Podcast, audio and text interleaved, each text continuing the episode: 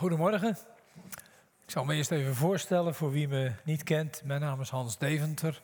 Ik uh, ben een van de twee predikanten in uh, Dordrecht.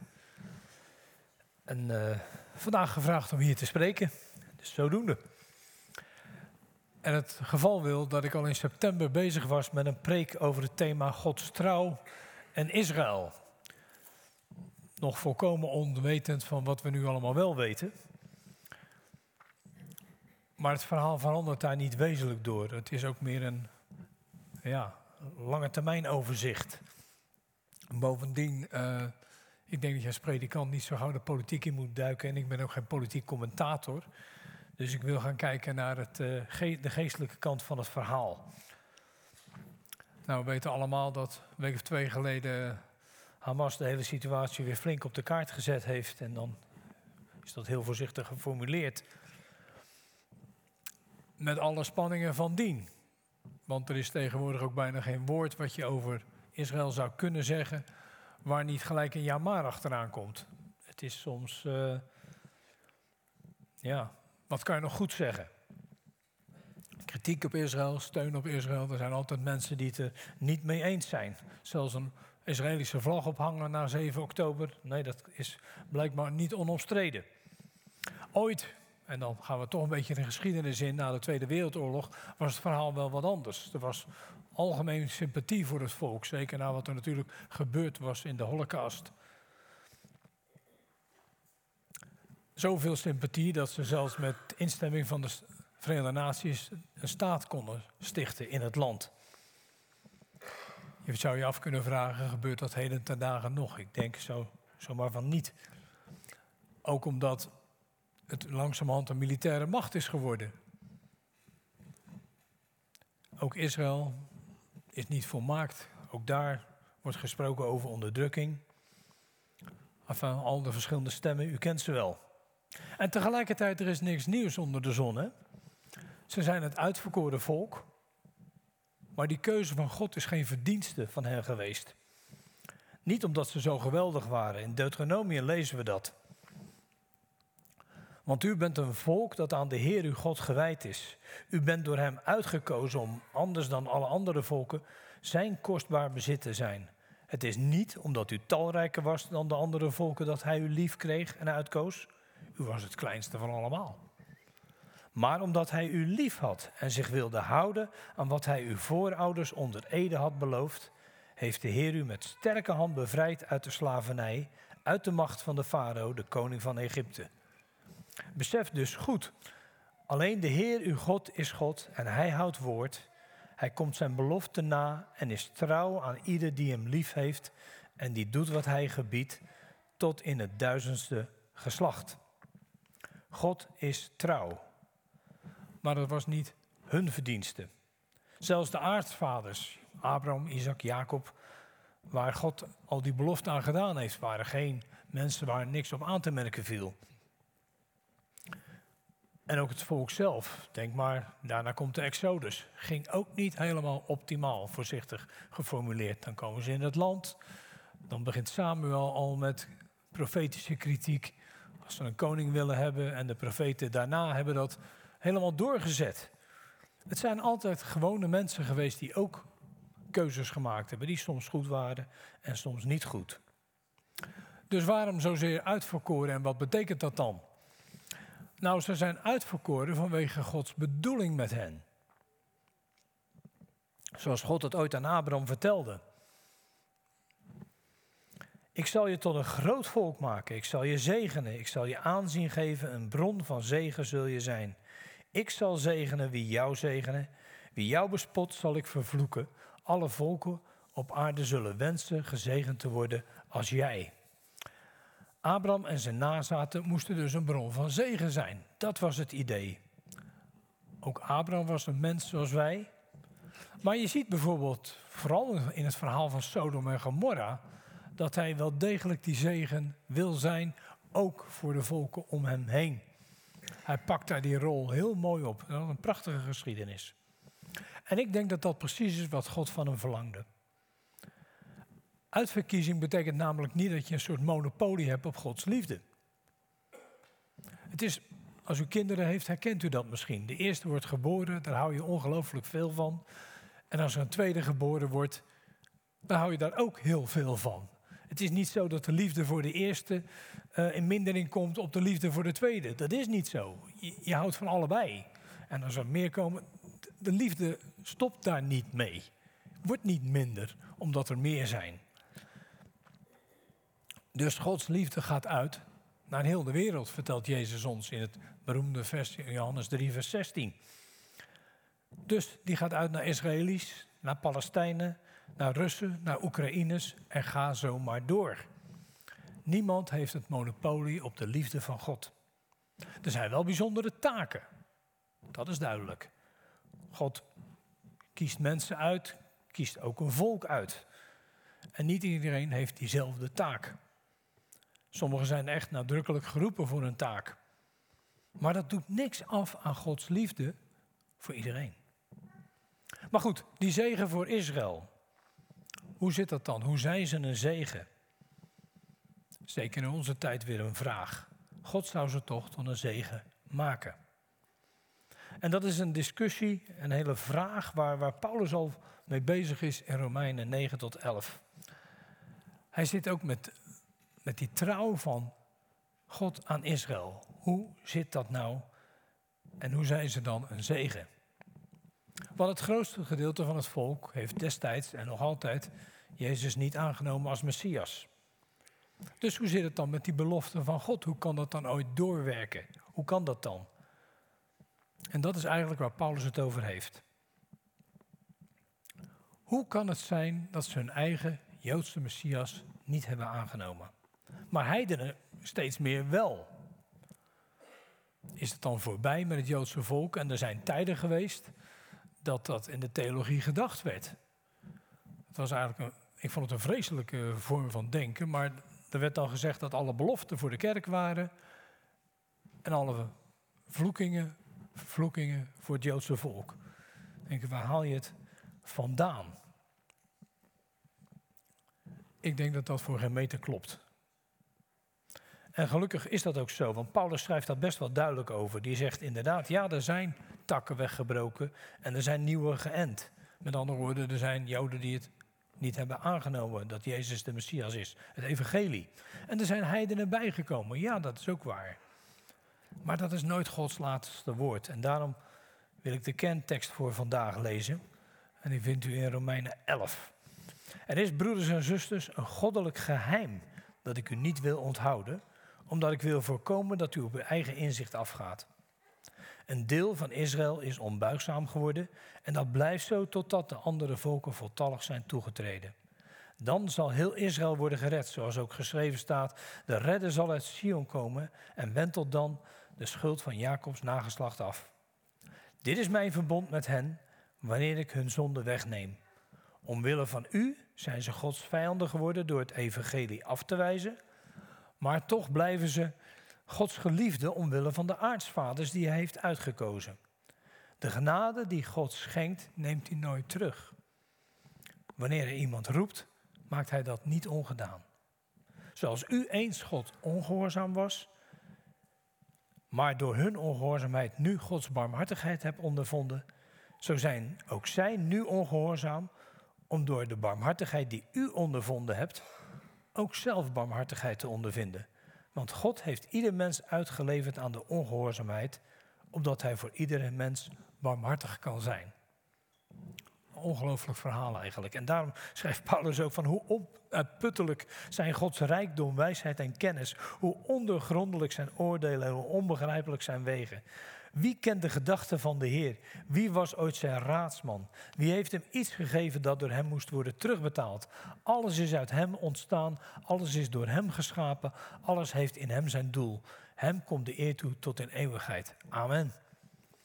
Paulus ziet dat door de ongehoorzaamheid van het Joodse volk het evangelie bij ons is gekomen. Eigenlijk is dat het verhaal, zoals we het ook wel eens noemen. God weet met een kromme stok een rechte slag te slaan. Zo is hij. Maar goed, Paulus was ook een Jood, hè? Dus het is heel goed te begrijpen dat hij schrijft: Ik ben diep bedroefd en word door voortdurend verdriet gekweld. Omwille van zijn volksgenoten. Want hij, vindt wel heel erg wat er gebeurt. Het is niet van, nou, dan, komt het allemaal, dan is het allemaal prima. Nee. En hij schrijft zelfs, ik zou bijna zelf vervloekt willen worden. En van Christus gescheiden omwille van hen. Dat gaat heel ver. Want dat zijn zijn broeders, zijn volksgenoten. Het gaat hem aan het hart dat ze de Messias grotendeels niet hebben aangenomen. Maar wat moeten wij als gelovigen uit de heidenen daar dan mee? Waarom zou het ons aan het hart moeten gaan? Stel dat die kerk dan toch in de plaats was gekomen van het Joodse volk. Maar het is niet zo. We zijn er bijgekomen. Zo wordt het beschreven. Als nu sommige takken van de edele olijfboom, dat is Israël, zijn afgebroken en u loten van een wilde olijfboom tussen de overgebleven takken bent geënt en mag delen in de vruchtbaarheid van de wortel, dan moet u zich niet boven de takken verheffen. Als u dat doet, moet u goed bedenken dat u niet de wortel draagt, maar de wortel u. Dus de blijven belofte voor Israël. Het heeft niet afgedaan. En waarom is dat dan belangrijk voor ons? Nou, omdat het alles zegt over wie God is. Wat ik net ook al las. De genade die God schenkt, neemt hij niet terug. Wanneer hij iemand roept, maakt hij dat niet ongedaan. God is trouw. En dat is ook voor ons ongelooflijk van belang. Hij laat niet los. Want als het aan mensen ligt, hadden we waarschijnlijk de moed al lang opgegeven. Met Israël, maar op sommige momenten denk je ook wel met heel de wereld. En dat is het mooie, denk ik, van Israël. Van Abraham tot dag van vandaag. Het is geen volmaakt volk. Mensen zoals u en ik. We kunnen ons ermee identificeren. Maar het punt is niet dat zij zo bijzonder zijn. Het punt is dat God uitgekozen heeft. En door hen is de Bijbel tot ons gekomen. Door hen is de Messias tot ons gekomen. En door al die verhalen heen, hè, u kent ze waarschijnlijk wel, de zoveelste mislukte koning. De afgoderij, de ballingschap, het hele gebeuren, de interne strijd, las ik onlangs. In 70 na Christus, de Romeinen stonden voor de deur en ze waren met elkaar aan het bakkeleien. Schiet ook niet op, tot aan de huidige oorlog. God is de factor, de constante factor die niet loslaat. En dat geeft hoop. Trouwens, naar de mens gezien had het volk al lang niet meer moeten bestaan. Had al lang moeten zijn opgenomen in de andere volken, verdwenen. Want waar zijn de Kelten bijvoorbeeld gebleven? Ik zou het niet weten. Of de Etrusken, de bewoners van het gebied bij Rome voordat de Romeinen kwamen. Weten we ook niks meer van. De Carthagers, ooit een groot en machtig volk. Niks meer van over. De lijst van verdwenen volken is groot en lang. En er is naar mijn weten geen volk dat 1800 jaar ballingschap heeft overleefd, nog steeds een volk was en terug is gekomen naar hun eigen land. Natuurlijk met alle problemen van dien en grote problemen. Maar het feit is wel daar. En ik kan er maar één reden voor zien: de trouw van God. En dat is denk ik waarom Israël tot op de dag van vandaag betekenis heeft voor ons. God is niet klaar met dit volk. Dat lezen we niet alleen in het Oude, maar ook in het Nieuwe Testament. Sterker nog, ook ons lot is verbonden aan die belofte van God. Paulus vertelt ook hoe dat in elkaar steekt. Want hij schrijft, en dat is echt een heel wonderlijke tekst. Als God toen zij afvallig werden de wereld met zich heeft verzoend, zal hij zeker, wanneer ze opnieuw aangenomen worden, leven schenken uit de dood. Dus doordat Israël Jezus heeft verworpen, is het evangelie bij ons gekomen. En in plaats van te vervolgen wat we als christenen gedaan hebben, we hebben geen goede historie op dat punt, hadden we ze moeten bedanken. En het is een schande wat we ze hebben aangedaan door de geschiedenis heen. In plaats van danken, veel te veel vervolgd en, en vermoord en, en wat uiteindelijk de naties hebben geperfectioneerd. Dat is een collectieve schuld, die hebben we als christenen ten opzichte van het volk. Mogen God ons daarvoor vergeven. En daar mogen we op hopen, want juist Israël leert ons dat God niet loslaat. Hij is trouw en hij is genadig, zelfs als we er een puinhoop van maken. Dat wil niet zeggen dat er geen consequenties van zonde zijn. Hè? Dat geldt voor heel het leven. Daden hebben consequenties. Maar ze hebben bij God niet het laatste woord. En dat is van belang. Dus ons lot is met Israël verbonden. Want als we weer worden aangenomen, brengt dat dus leven uit de dood. Hoe gaat dat eruit zien? Hele mooie vraag. De Bijbel geeft er ook een antwoord op, of eigenlijk niet. Maar er staat in 1 Korinthe 2, het is zoals geschreven staat, wat het oog niet heeft gezien en het oor niet heeft gehoord, wat in geen mensenhart is opgekomen, dat heeft God bestemd voor wie hem lief heeft. Dus we hebben geen idee hoe het eruit gaat zien. We kunnen ons niet eens voorstellen. Maar we kunnen wel zien dat God trouw is. En dat is van belang. Aan Israël en vooral aan de grote zoon van Israël, Jezus, onze Heer. Hij heeft dat leven uit de dood al ontvangen.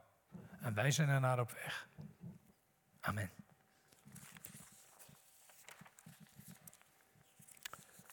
We gaan toen naar het uh, open altaar. En uh, ja, een moment in de dienst.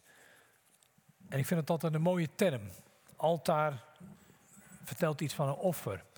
En uh, dat is het ook vaak wel. Het zijn soms de zorgen die je offert, want die zijn heel moeilijk om los te laten. Soms zit je in een moeilijke omstandigheden en kan je lof offeren. Dat is ook niet altijd zo makkelijk. Uh, soms is het wel makkelijk, ben je gewoon heel dankbaar en wil je de dank brengen, des te beter. Maar uh, wat u ook op uw hart heeft, na het lied wat we zo gaan zingen, mag u naar voren komen, hier knielen. Ik zal eerst even een tijd stil zijn en dan het gebed afsluiten.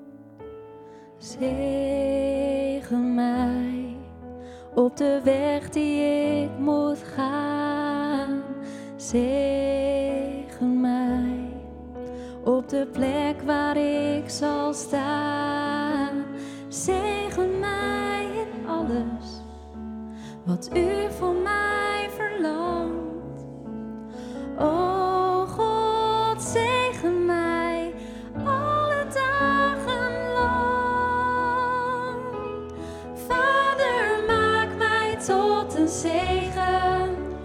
Ga mij niet voorbij. Regen op mij met uw geest, Heer.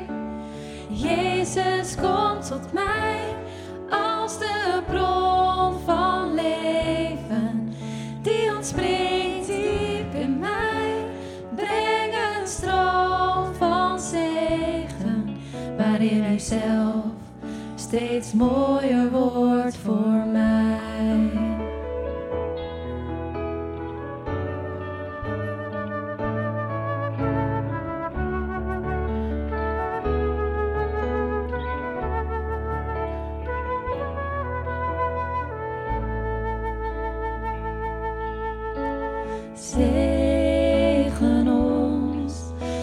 waar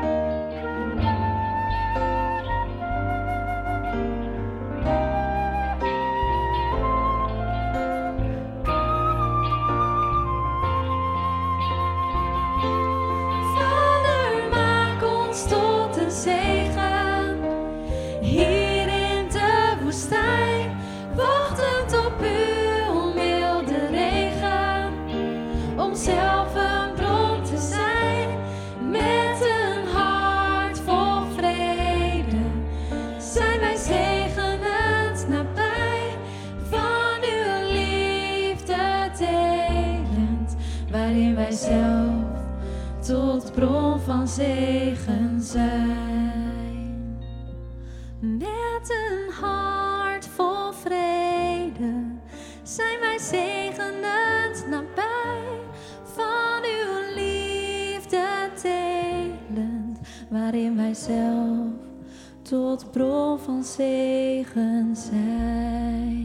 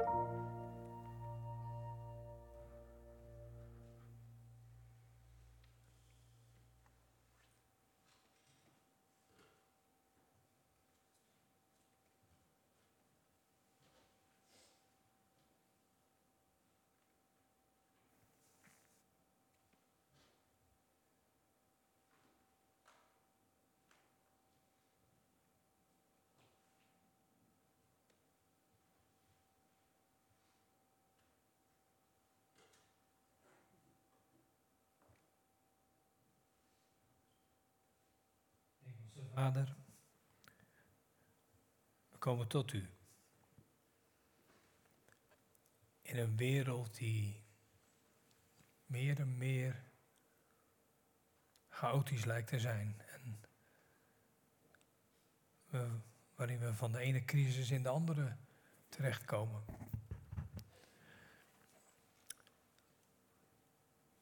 En persoonlijk is het soms niet eens heel veel anders. En waar gaan we dan nog heen?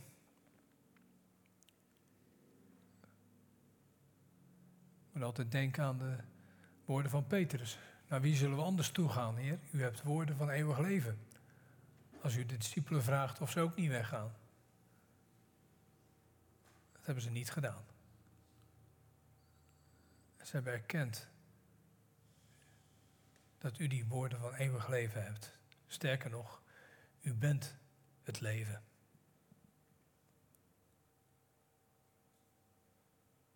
En u raakt niet in paniek.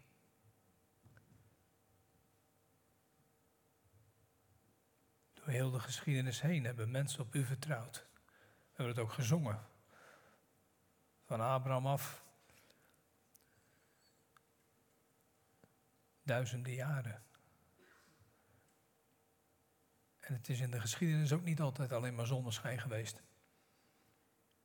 En toch, u laat niet los. U blijft trouw. En u blijft met ons meegaan. We staan er niet alleen in. Daarom, zoals het laatste lied ook zei, bidden we om uw zegen. Niet enkel alleen voor onszelf, maar vooral ook om tot zegen te zijn in een wereld die dat zo hard nodig heeft. En daarom bidden we om zegen. Zegen ons, Heer, hier, zoals we hier allemaal zijn. En maak ons mensen waarin anderen Jezus zien. Mag Hij het licht in onze ogen zijn. Dank u wel, Heer, dat we die zegen mogen vragen en er ook op mogen vertrouwen. Want we bidden naar uw wil. En in Jezus' naam. Amen.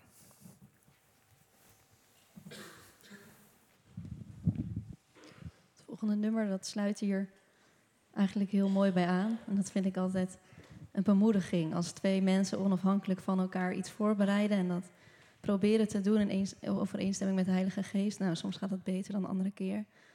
En vandaag ervaar ik echt heel erg dat ik denk, oh, dit, dit volgende lied, dat we dat met elkaar mogen zingen. Wat is dat bijzonder, want we gaan zingen dat God ons rust geeft.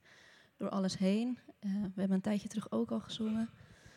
En wat ik heel erg op mijn hart kreeg tijdens het gebed dat uitgesproken werd, is dat ik er niet bij kan dat God enerzijds zo groot is dat hij de hele wereld in zijn handen heeft, de hele geschiedenis kent en, en heeft gedragen, maar ook weet wat er nog gaat komen. En dat hij tegelijkertijd zo persoonlijk voor ons ook die rust wil geven.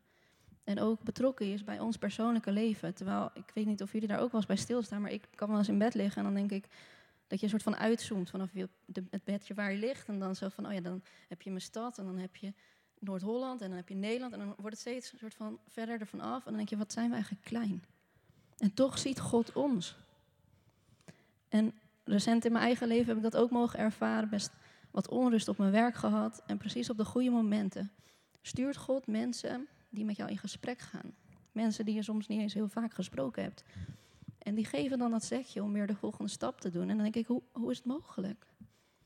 Dat God naar ons omziet. Zo individueel en tegelijkertijd zo groot is en het grote plaatje ook overziet. Ik kan daar eigenlijk niet altijd bij. En ik hoop dat het voor ons allemaal geldt, dat het niet aan mijn geloof ligt, maar dat we dat allemaal herkennen. Dat het zo, zo ongrijpbaar is eigenlijk. Dat God zo groot is. En ehm, los van de eigen situatie waar je misschien in zit of doorheen kan gaan, merk je ook veel onrust bij, bij mensen om je heen. Ik merk gesprekken dat, dat, dat de oorlog in Israël veel losmaakt, op wat voor manier dan ook. En dat de, de samenleving ook een beetje bijna op lijkt te zijn. Zo van, oh ja, we hebben net die pandemie gehad, nu krijgen we dit weer, waar gaan we eigenlijk heen? En dan is het extra bijzonder dat wij een houvast hebben. En dat wij mogen zingen dat God rust geeft. Laten we met elkaar gaan staan terwijl we dit nummer zingen.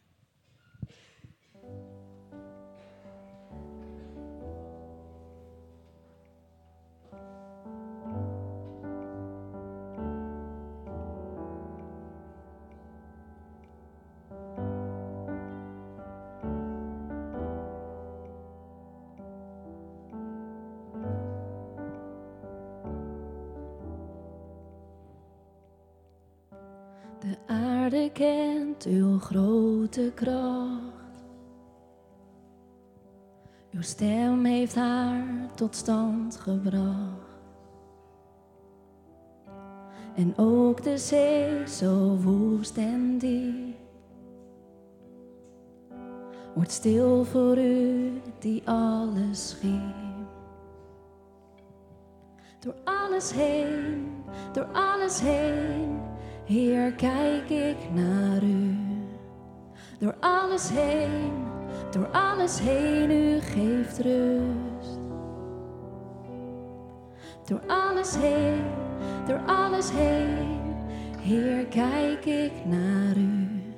En u geeft rust in mij.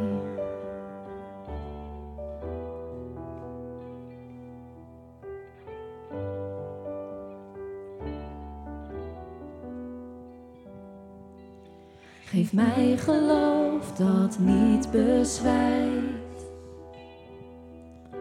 Ook als de twijfel groter lijkt.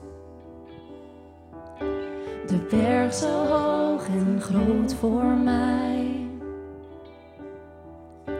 Verdwijnt in zee, de weg is vrij. Door alles heen, door alles heen Heer, kijk ik naar u. Door alles heen, door alles heen, u geeft rust. Door alles heen, door alles heen, Heer, kijk ik naar u.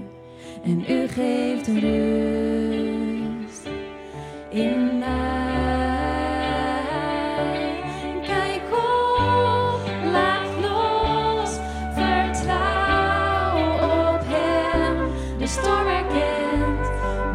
steeds